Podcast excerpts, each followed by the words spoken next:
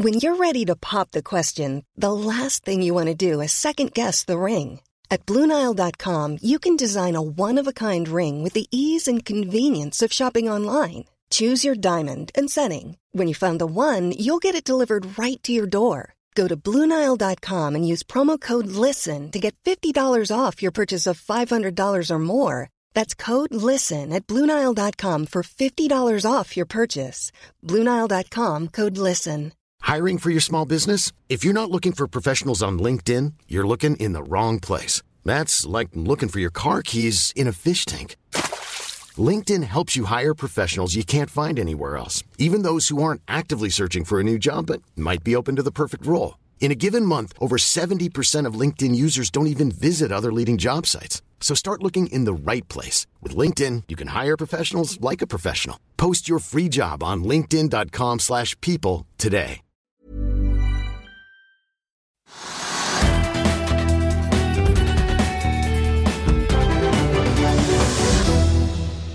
En riktig god tirsdag og velkommen til sending nummer to av Økonominyhetene i dette nye året 2023. Mitt navn er Marius Lorentzen, og med meg i sendingen i dag har jeg Trygve Hegnar.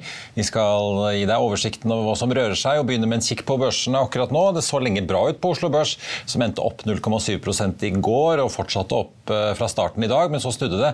Litt over klokken 11 så viste pilene plutselig rødt, og vi ligger nå ned en 0,5 da et par timer før børsen stenger. I tillegg til Nordic eh, Nanovektor, som er ned en snaue 10% før den ekstraordinære generalforsamlingen i dag, så trekker Equinor, Avans Gass, PGS og Frontline ned, mens lakseaksjene SalMar, Lerøy sammen med Advinta, Sats og Nordic Semiconductor forgjeves da prøver å få hovedveksten opp igjen. At eh, lakseaksjene tikker oppover, kan vi nok tilskrive DNB Markets sin eh, nye sektorrapport som er ute i dag. De har oppjustert av sine lakseprisestimater for 2023 og 2024, og tar også og hever kursmålene på aksjer som Movi, Austevoll og SalMar. De trekkes også frem da som meglerhusets toppvalg i eh, sektoren. Vi tynges jo på børsen av at oljeprisen igjen har dykket ned etter en solid oppgang i eh, går. Nordsjøoljen ligger ned en halvannen prosent til 84 dollar og 60 cent omtrent. Vi har ligget over 80 dollar siden 21. desember. Den amerikanske lettoljen VTI ligger da under 80 dollar igjen etter en liten dupp over den symbolske grensen da i går. Nå ligger vi på en 79,40.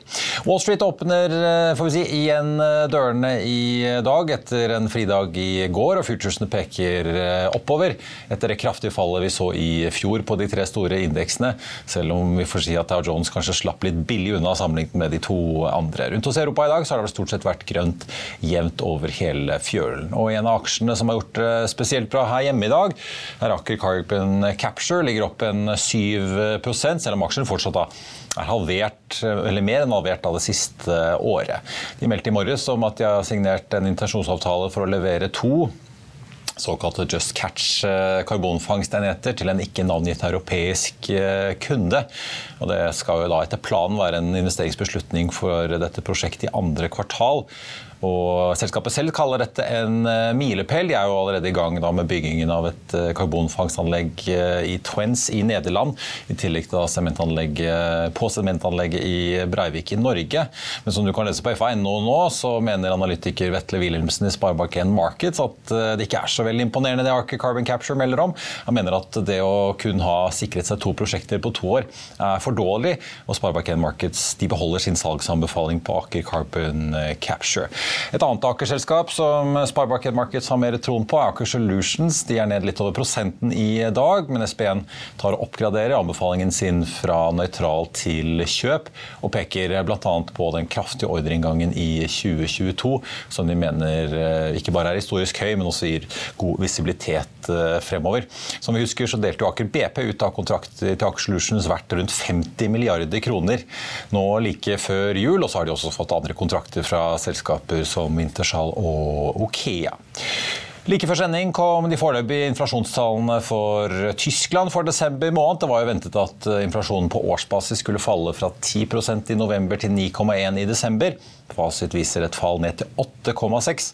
Så altså litt får vi si, bedre enn ventet, men fortsatt en veldig høy inflasjon.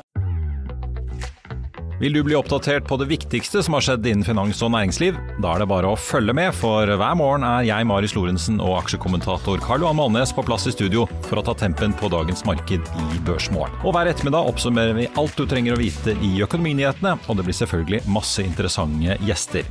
Klikk deg inn på fa.no-tv, eller søk opp Børsmorgen og Økonominyhetene der du hører på podkast.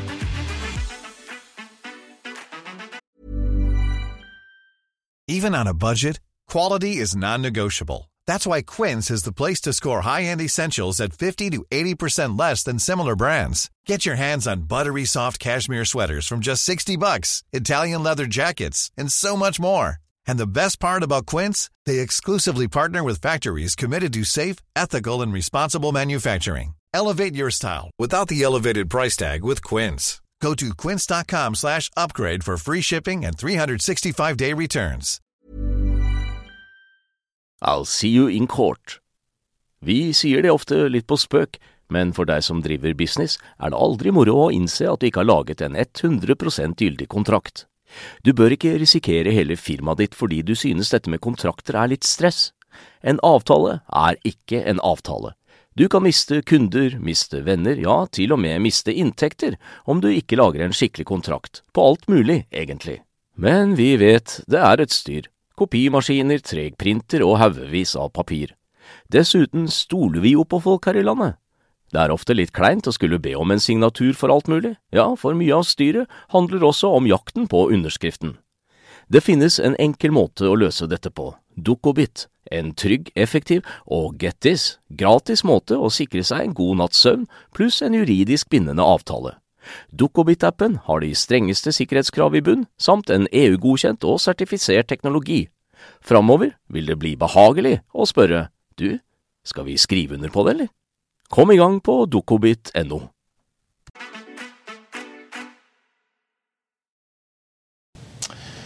Da har jeg fått med meg Trygve Hegnar. Og Trygve, skal vi begynne litt med boligsektoren? For en av de aksjene som faller mye i dag, er eh, Selvåg bolig ned nesten 9 Ja, og det er fordi de kom med et veldig dårlig tall. Altså veldig dårlig salgstall. Men de kom i går. De kom i går. Og da var aksjen opp en halv prosent? Ja, men så må, må folk regne litt på det og lure på hva som foregår.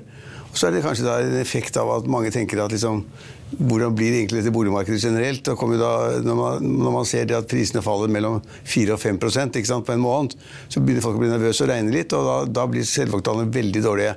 Så kan man si at de kommer tilbake og de kan ta det igjen osv. Og, og, det, og det er underskudd på boliger i Oslo-området, og de kommer til å bygge mye og ta den siden. Men altså, det ble for stor differanse mellom det man kunne forvente, og det tallet de kom med. Så det er, det er en taperaksje. Og det, er, og det er liksom litt sånn hele, Du var inne på det. altså Prisveksten i Tyskland kom inn på 8,6% Ok, det var over tid før. Men når folk får tenkt seg om, så vil de tenke at 8,6 prisvekst i Tyskland det betyr at de kommer til å skru til sentralbankene. De vil øke renten, de vil ha prisveksten ned. Så det, blir liksom, det er større sannsynlighet nå enn det var før at de får en resesjon i Tyskland og hele EU-området. Og kanskje vi får en resesjon i USA også. ikke sant? Det virker, ikke sånn foreløpig på, på, på, børsen. Men det, liksom, det er sånn tid for litt ettertanke. Mm. Boligprisene i Norge faller veldig mye kommer sikkert til å falle videre eh, og ytterligere enn det det er nå.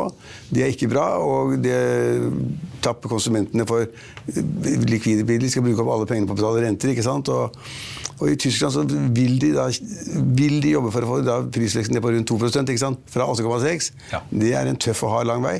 Så man kan stille seg spørsmål nå, liksom, hvor står vi? Altså, Oslo Børs er liksom sånn litt oppe i går, litt ned i dag.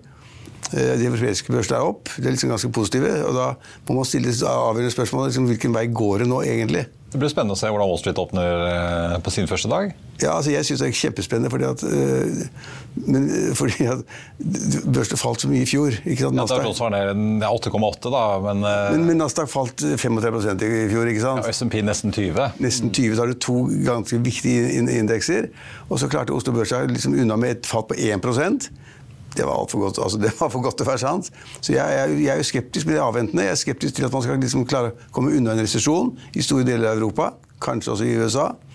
Uh, vi Norge slipper kanskje godt unna, kanskje unna, men det vet jeg ikke. Men det, det er såpass store forskjeller med det som skjedde i USA på de, de store indeksene og Oslo Børs, at jeg, jeg forventer en reaksjon på Oslo Børs. At liksom, da vil det slå igjennom. At uh, alt er ikke bare himmelen, liksom. Og vi ser I dag så er det litt overraskende faktisk at uh, oljesektoren og oljeservice seg, altså, faller mest. ikke sant? Ja, Equinor faller 3 og, og vår energi faller, og altså, Aker BP faller. Mens oljeprisen ligger som du sa, det ligger på 85 dollar per fat. Så, jeg liksom venter og ser liksom hva som skal rykke til. hva som skal gjøre. Og I, fjor tror jeg alle kan være enige om at grunnen til at Oslo klarte seg så bra, var at vi hadde oljesektoren og energisektoren som var veldig god. ikke sant? Og Hadde vi ikke hatt den sektoren, så ville vi liksom kanskje vi hatt et fall på 50% på Oslo Børs også. Men vi reddet oss fordi vi var i energisektoren. Og de gode, dyktige investorene de var i energisektoren, tjente masse penger på rigger og på olje, på hva det måtte være. Og så er spørsmålet skal det fortsette. Mm. Skal det fortsette ut året?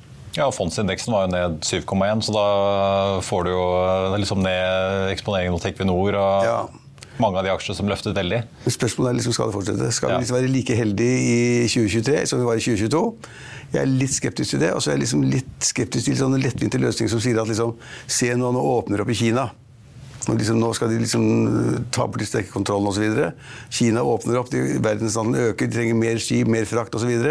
Ja, åpne opp og åpne opp i Kina, det er det som foregår. Det er jo katastrofe. Mm. Det er mange millioner mennesker som er smittet, sant, som skal behandles på sykehus og greier sånn. Så det er jo det motsatte, etter min oppfatning. At Kina ser mye skumlere ut enn det var før. Ikke det at man åpner opp fordi at man da i adgang til folk å være, bevege seg mer. Man er ferdig? Ja, så, så jeg syns det er ganske spennende nå, og ganske skummelt hva som foregår. Og, og, bare for å avslutte det, på Oslo, eller på, i Norge så er det slik at når boligprisene faller så mye, så er det faktisk nesten å forvente. Og så blir det mer. For vi, I Norge skal vi også ha renten altså renten skal opp og prisveksten ned. Og prisveksten skal også i Norge ned på 2% eller rundt det. Og Norges Bank er helt opplagt innstilt på å øke renten. Kanskje to ganger, to ganger en kvarting. Ja, de har sendt vært én til to ganger til, kanskje? Ja, to ganger en kvarting. ikke sant? Så da, da er vi godt over 3 inn i neste år. Og så sier da de som er litt optimistiske, eller vil være optimistiske, Marius, så sier de at ja, men i annet halvår 2023 i år så vil alt snu. liksom Da blir renten, renten satt ned igjen, og all veksten er god, og alle er fornøyde. Ja, Det er et godt spørsmål. Det, det kan ikke jeg si svar på nå. Ja, for Apropos Selvåg bolig, da, det er jo litt interessant. Eh, Selvåg-sjefen eh, Sverre Molvik sier, han sa i går da, at de tror markedet snu boligmarkedet altså i løpet av første halvår 2023 på ny eh, bolig. De mener at det bygges for lite i Stor-Oslo. Rentetoppen nås, byggekostene er fallende. Ja. Så er vi Simen Mortensen i DNB Market som nedgraderte Selvåg til salg. Han mener at de frykter det blir tøft å selge nye boliger et godt stykke inn i 2023. Gangsettingen er lav. Ja, Lite at, som skal gi inntjening i sektoren? Ja. Jeg mener at man må være kritisk. altså det er Visual thinking. Det var det det første refererte Det liksom nå, det snur allerede første halvår og annet halvår i år. Det har jeg ingen tro på. Altså, dette, altså de rentenotene som folk skal betale, de kommer jo ikke nå. De kommer om to-tre måneder, fire måneder. ikke sant? Og Da får de disse notene samtidig med at de får de høye strømregningene. Det gir et, etter min oppfatning, da, det er litt for tidlig å si liksom hvordan hele året går, men det gir et relativt negativt sentiment når det gjelder handelssektoren. Folk har mindre penger å bruke etter at de skal betale enda mer penger på maten. Matprisen skal opp i februar. ikke sant? De skal betale enda mer for strømregningssidene og så skal de betale enda mer for rentegreier, og så skal de plutselig snu. Jeg håper inderlig det. Jeg håper det blir veldig gøy på Oslo Børs, men akkurat nå så syns jeg at vi er i et vakuum. Hva skjer nå? Og jeg er litt skeptisk.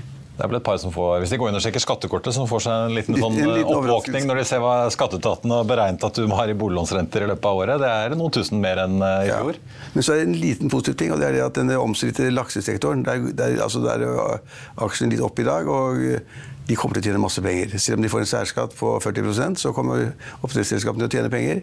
Så er spørsmålet liksom, hvor skal de avsette denne laksen? I Europa, i USA eller andre land, eller i Norge? Til, til hotell eller privatmarkedet, hvor det måtte være. Men altså, den næringen går bra. Mm. Så hvis man liksom må ha penger i aksjemarkedet, så kan man godt sette dem i liksom et område hvor du vet at folk de vil ha norsk laks. De vil betale for den. Kiloprisen blir kanskje 70-80 kroner. Det er positivt. Så det finnes jo bransjer som går bra. Og vi kjenner til skatten, så det, den overraskelsen ja. får vi i hvert fall ikke igjen. Så det finnes områder hvor man kan kjøpe, da. Utenom olje og gass. Og hvis man da fremdeles tror at energi blir en store sektoren, så kan man da bare gå inn og kjøpe da. oljeaksjene. Hvis det blir en dipp nå da på Equinor eller Aker BP eller Vår Energi eller hva det måtte være. Hvis man tror det. Og de fleste tror jo nå at liksom, olje- og energisektoren, særlig olje, kommer til å gjøre det bra. Riggsektoren, riggsektoren kommer til å gjøre det bra i år. Ja, det er kanskje mulig, men det er ikke sikkert. Men det er jo mange som eh, vet ikke om jeg setter seg på gjerdet, men eh, altså, vi så jo Sven Egil Larsen var jo med i aksjepanelet vårt eh, her i romjulen. Kjent for sin uh, trading av aksjer. Man var ganske åpen på at han har uh, satt en del penger i high yield og rentepapirer, uh, rett og slett fordi aksjemarkedet altså Du får god avkastning på rentepapirer om dagen. Får fort 10-11 og så er det litt usikkert hva aksjemarkedet egentlig skal gi. Ja, men Det er et kjempegodt poeng. Altså, du får veldig god avkastning på rentepapirer hvor selskapsrisikoen er relativt liten. Da kan du få 8-9-10 som du sier nå. Det er jo veldig bra. Uh, og så er det da kanskje, kanskje de som er tøffe investorer, de vil se da sånne eiendomsselskaper som er distress-aktiva, som vi sier. At liksom de har problemer med å betale renter og avdrag, kanskje. Får ikke den prisingen de har tenkt ved et salg. og liksom, Man kan kanskje komme inn i, i posisjonen hvor man er alene eller sammen med andre kan kjøpe eiendom. De pressede priser, kanskje de kan få prisen ned 50% Ingen innrømmer det. Men det kan tenkes at det ligger eiendommer der som skal selges. Det kan man tjene penger på. Og så har man da aksjemarkedet, som da er sånn det er vanskelig å forutsi, faktisk. Altså, jeg er litt skeptisk, men det er vanskelig å si at det kommer til å gå ned, det kommer til å gå opp. Det, det kan man ikke si. Boligmarkedet kommer til å falle. Mm. Renten kommer til å gå opp. Det kan jeg si, det er ganske sikkert. Men aksjemarkedet akkurat nå, det er liksom Oslo Børs er en veldig spesiell situasjon, da. Veldig spesiell situasjon. Så avhengig av olje og energi. Og såpass mye usikkerhet andre steder. Og det som du begynte med, da Selvåg da på en måte kommer elendige tall, og da kursene var rett ned 8-9 i dag. Ja, altså Salget var vel ned 80% fra fjerde kvartal i fjor. det er litt sånn liksom, hvordan disponere at de blokkene de tingene skal bli ferdig. da, Skal bli ferdig i mars eller ferdig i juni. Hvor mye setter de inn for å få det ferdig? Det er jo en bred nedgang. Vi fikk jo, Nå kommer jo Eiendom Norge med sine tall i morgen, men nå har vi fått Obos-tallene. NBBL kom med sine tall eh, også i dag. De faller 4 Prisfall på 4,9% fra tredje til fjerde kvartal. Ja, mens vår venn, vår venn Jan Andreassen var her og sa det at eh, boligprisen vil stige 10-12% i år. Altså, det ble årets bom. ja, du, ja, nå er ikke han her, så Nei, men Han er en hyggelig kar, men altså, det blir årets bom. Ja, Du tror ikke noe på at det blir noe fart utover høsten? Nei, men altså, jeg, kan, jeg, kan, heller ikke si om boligprisene skal falle 4% eller 3% eller 6% men de kommer til å falle i løpet av altså, som et snitt for året i år. så kommer de til å falle. Eh, nå så vi jo Dun Bradstreet komme med konkurstallene for 2022 eh, opp 11,7 i fjor. da hva tror, hva tror, du egentlig, liksom, Hvordan vil det utspille seg i norsk økonomi? Tror du det blir en merkbar oppbremsning, eller blir det liksom, ja, boligprisene går ned, men de fleste har jobb? Og... Nei, jeg tror det ble en merkbar oppbremsning. det altså, det er, mange som har levd på reservene sine, prøvd å komme seg gjennom litt dårlige tider, høyere strømregninger osv. Men jeg tror at det blir et press på hele detaljhandelen. Folk mm. vil måtte spare mer, de må, vil bruke pengene mer forsiktig. Og det vil prege liksom, sysselsettingen, det vil prege BNP. altså Vil BNP øke med 0,2 eller 0,3 eller 0,4% eller falle med, med 0,1 eller 0,2 og, og, få mer resesjon? Det betyr altså da, da nedgang i, i BNP to, to kvartal på rad. da, Hele første halvår. Uh, altså, Hvis man skal velge med liksom, hvordan tror man det blir, så det blir tøffere i Norge. Det blir flere konkurser. Men det blir ikke konkursras som man snakker om. Det er altfor mange eh, næringer som nå kjemper for livet fordi regningene er for store. Etterspørselen er for lav, prisene er for lave. Og så får de da strømregninger som de ikke kan håndtere. og så kjemper og kjemper og kjemper. Og til slutt så blir det da konkurser. Men ikke noen konkursrad, men det blir mer konkurser. Det blir mer engstelse. Og, og regjeringen har jo ingen politikk for å løse dette her. Ingenting. Ingenting fra statsministeren i hans tale, ingenting fra andre. Alle er liksom engstelige for hva som skal skje. og da, I den situasjonen så vil det bare sige videre, og da blir det en litt dårligere tid i norsk økonomi i 2023. NHO-sjefen var jo her i går. Han skal ha årskonferansen sin i overmorgen på eh, torsdag. Men han var ganske åpen på at ingen eh, medlemmer hos han kan være trygge på at ikke det plutselig kommer noen nye skatteendringer, eh, sa han. Nå har laks og kraft fått sitt, og arbeidsgiveravgiften har økt på lønninger over 750 000. Altså, jeg... Utbytteskatten har økt, og formuesskatten har økt. Er det, Marius, er det noe mer igjen som man bør passe seg for i 2023, tror du? Nei, det er et veldig godt spørsmål. og er, altså, de, de, de forslagene som Skatteutvalget kom med de var helt hårreisende. Altså hvis, hvis regjeringen var, var i nærheten å ta inn noen av de forslagene innen boligsektoren Så går da, altså da Så mindre skatt på arbeid, mer på bolig? Jo, men mer, på, mer på bolig. Om de foreslår, ikke bare det at du skal betale eiendomsskatt på boligen din, du skal betale formuesskatt på boligen din. Eh, du skal også da betale en inntekt av at du antatt leier din egen bolig eller din egen hytte. Fordelen av å bo i egen hytte, bolig. Ja. Og sette prisen til 100% først på hytta, 100% på huset. Og så skal du da betale en leie av din egen bolig for at du, på en måte ikke du skal komme bedre ut enn de som må leie boliger. Hvis de er i nærheten å ta det inn, så er valget i 2025 tapt for lenge siden. Og Da vil ikke Arbeiderpartiet bli liggende på 15-16% eller 14 eller, og, og Senterpartiet på 3-4. Da er det halvering. Så det vil de ikke foreslå. Det kommer ingen slike forslag. Så jeg tror ikke det kommer noen store utfordrende Eh, grove forslag på skattesiden frem til valget. fordi at det vil påvirke folk så, så alvorlig. Og de viktige forslagene som da skatteutvalget kom med, det var jo på boligsiden. Og det angår jo absolutt alle. Og de var jo helt komiske i skatteutvalget. De sa det at f.eks. arveavgift skritt for arveavgift. ikke sant? Den skulle... Kutte formuesskatten, gjeninnføre arveavgift. Ja, ja. Men, ja, men arveavgiften skulle da begynne på 2 millioner kroner. Altså, kjenner du noen som ikke har en formue på 2 millioner kroner, som har bolig? Nei, altså... Iallfall ikke hvis du har en leilighet i Oslo. men hvis du har en leilighet eller bolig eller et hus eller noen sparepenger eller mor og far og har en liten hytte, så er, kommer jo alle over 2 millioner kroner. Det vil si at omtrent alle husstander i Norge skulle da få liksom, tøffe arveoppgjør pga. de nye reglene. Det vil de heller ikke innføre. Solberg-regjeringen tok bort arveavgiften. Og den ga jo ikke mer enn et par milliarder i årlige inntekter en gang. To, to milliarder eller sånn nå. De vil aldri innføre det. Men hvis man begynner å diskutere det her i den, den offentlige debatt, sånn som vi også gjør nå, snakker om det, så vil det påvirke folk. Liksom, skal vi få en arveavgift igjen? Og skal den begynne ved to millioner kroner? Skal barna mine, Hvis, hvis, jeg, hvis de etterlater meg 3,5 millioner kroner, så skal barna betale 15% arveavgift? Alt overskytende beløp? Det er helt håpløse forslag. Så det er sikkert masse gode tankegods bak der, det skatteutvalget. Men de forslagene de kom med, både på boligsektoren, som da Harald Magnus Andreassen bejubler osv. Altså, du, du, er inne i et system som er som det er. Du, du, altså, du, kan ikke bare plutselig innføre masse endringer som bare er negativt for, for husholdningene og skattyterne. Det kan man ikke gjøre. Ja. tror du De sniker altså De har jo begynt på dyre primærboliger, som de kaller det. da. Over 10 millioner har de jo begynt å skru til på ja. formuesskatt, altså verdsettelsen og hva de må betale der og, og, innenfor formuesskatten. Og på sekundærboliger også, selvfølgelig. Det kan man jo kalle en slags snikinnføring, for man kaller det ikke eiendomsskatt, men man eh, begynner å presse primærbo dyre primærboliger. Tror du det kan bli mer av det? At man rett og slett trinn for trinn for trinn begynner å på en måte sørge for at formuesskatten tar mer og mer av folks i hvert fall kostbare boliger? Jo, men Det gjør det jo allerede, for det har jo øket verdiene hvert eneste år. ikke sant? Verdifastsettelsen ved formuesskatten. Det vil nok komme noe slikt hvis SV klarer å presse det gjennom. så at liksom på en måte Senterpartiet og Arbeiderpartiet må ha med SV på et skatteforslag. Men da snakker vi om budsjettet for 2024. Nå går jo, liksom, Løpet går jo i 2023 med de reglene vi har. De var ikke så vesentlig dårligere, men i sum så var det liksom da økt formuesskatt, økt utbytteskatt, økt eiendomsskatt. Og mulig da liksom inntekt eh, ved å eie egen bolig osv. Men løpet går stort sett uten at folk irriterer livet av seg. Bortsett fra oppdretterne som da får den oppdrettsskatten, som ikke er bestemt, men som blir lagt i budsjettet. Fristen går ut i morgen, skatten skal ja. gjelde fra i forgårs. Ja. ja. så jeg tror det at liksom, nå går løpet. Men hvis da liksom SV og Arbeiderpartiet og Senterpartiet sammen høsten i år begynner liksom å legge inn da i budsjettet som, for 24 som kommer i oktober i år Hvis de begynner å legge inn skrur til der, så blir det et ras for de partiene, og det tør de ikke gjøre. Til slutt, eh, Trygve, Skatteutvalget en ting var jo arveavgift og boligskatt, men de ville jo også ha ned utbytteskatten, de ville ha ned formuesskatten, kanskje litt høyere selskapsskatt. De foreslo en del ting som påvirker bedrifter og investorer. Tror du det blir noe av eh, de elementene? Nei, jeg tror, altså, jeg tror det blir lite av det, det, Nesten ikke noe av det de kommer. For det de sier, er at vi skal vi må, skatte, vi må, skatte, mindre på arbeid, mer på kapital. Og, men da må man senke formuesskatten. Formuesskatten er veldig dårlig, sier de hele utvalget. Men i Norge å si det at eh, ok, det, hvis vi klarer å sette ned formuesskatten til det halve, så skal vi liksom ta mer skatt på andre steder. Sånn, det får ikke til. Nei. Pakken er for stor, den er for, den er for vanskelig. Og, og, så er vi inne i dårlige tider. Du spurte om det, hvordan, går det, hvordan går det fremover. Ja, det er dårlige tider. Folk får mindre penger å betale for med, og de skal betale renten og strømregningen og matprisene.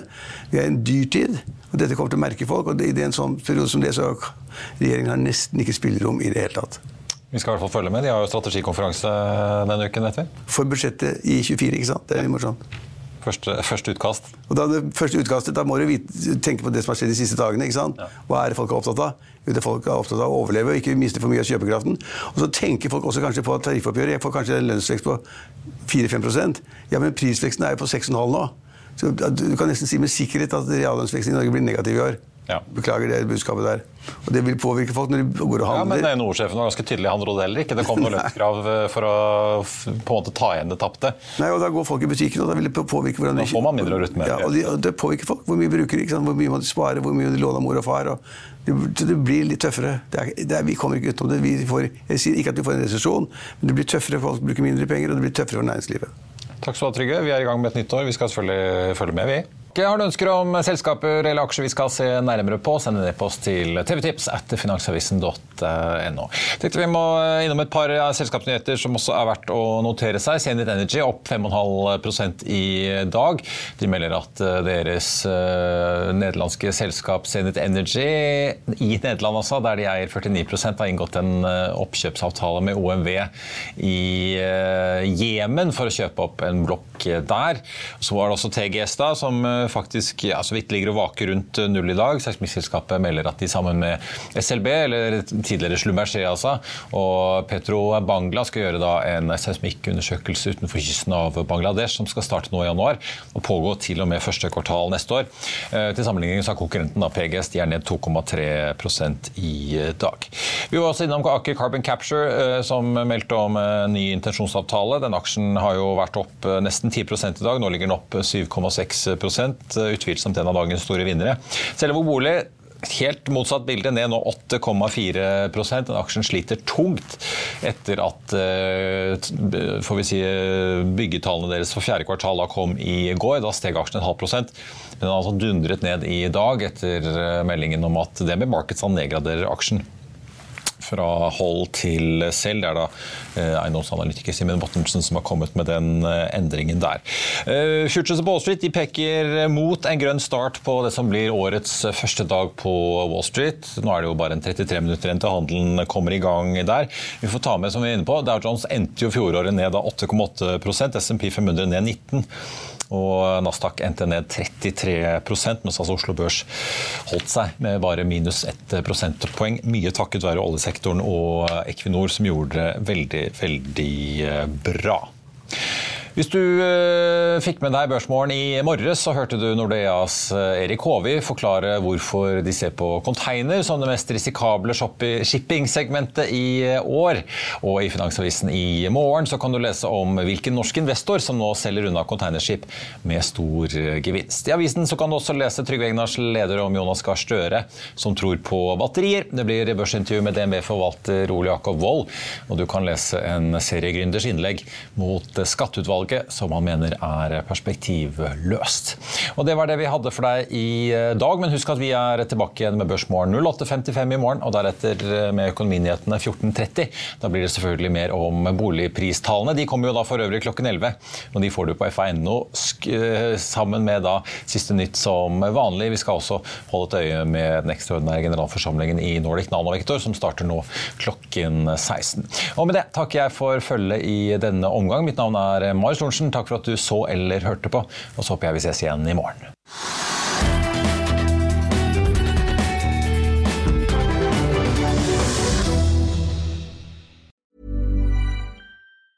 Hey, it's Danny Pellegrino from Everything Iconic.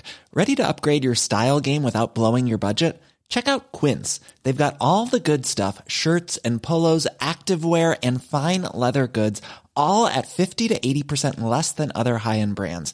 And the best part? They're all about safe, ethical, and responsible manufacturing.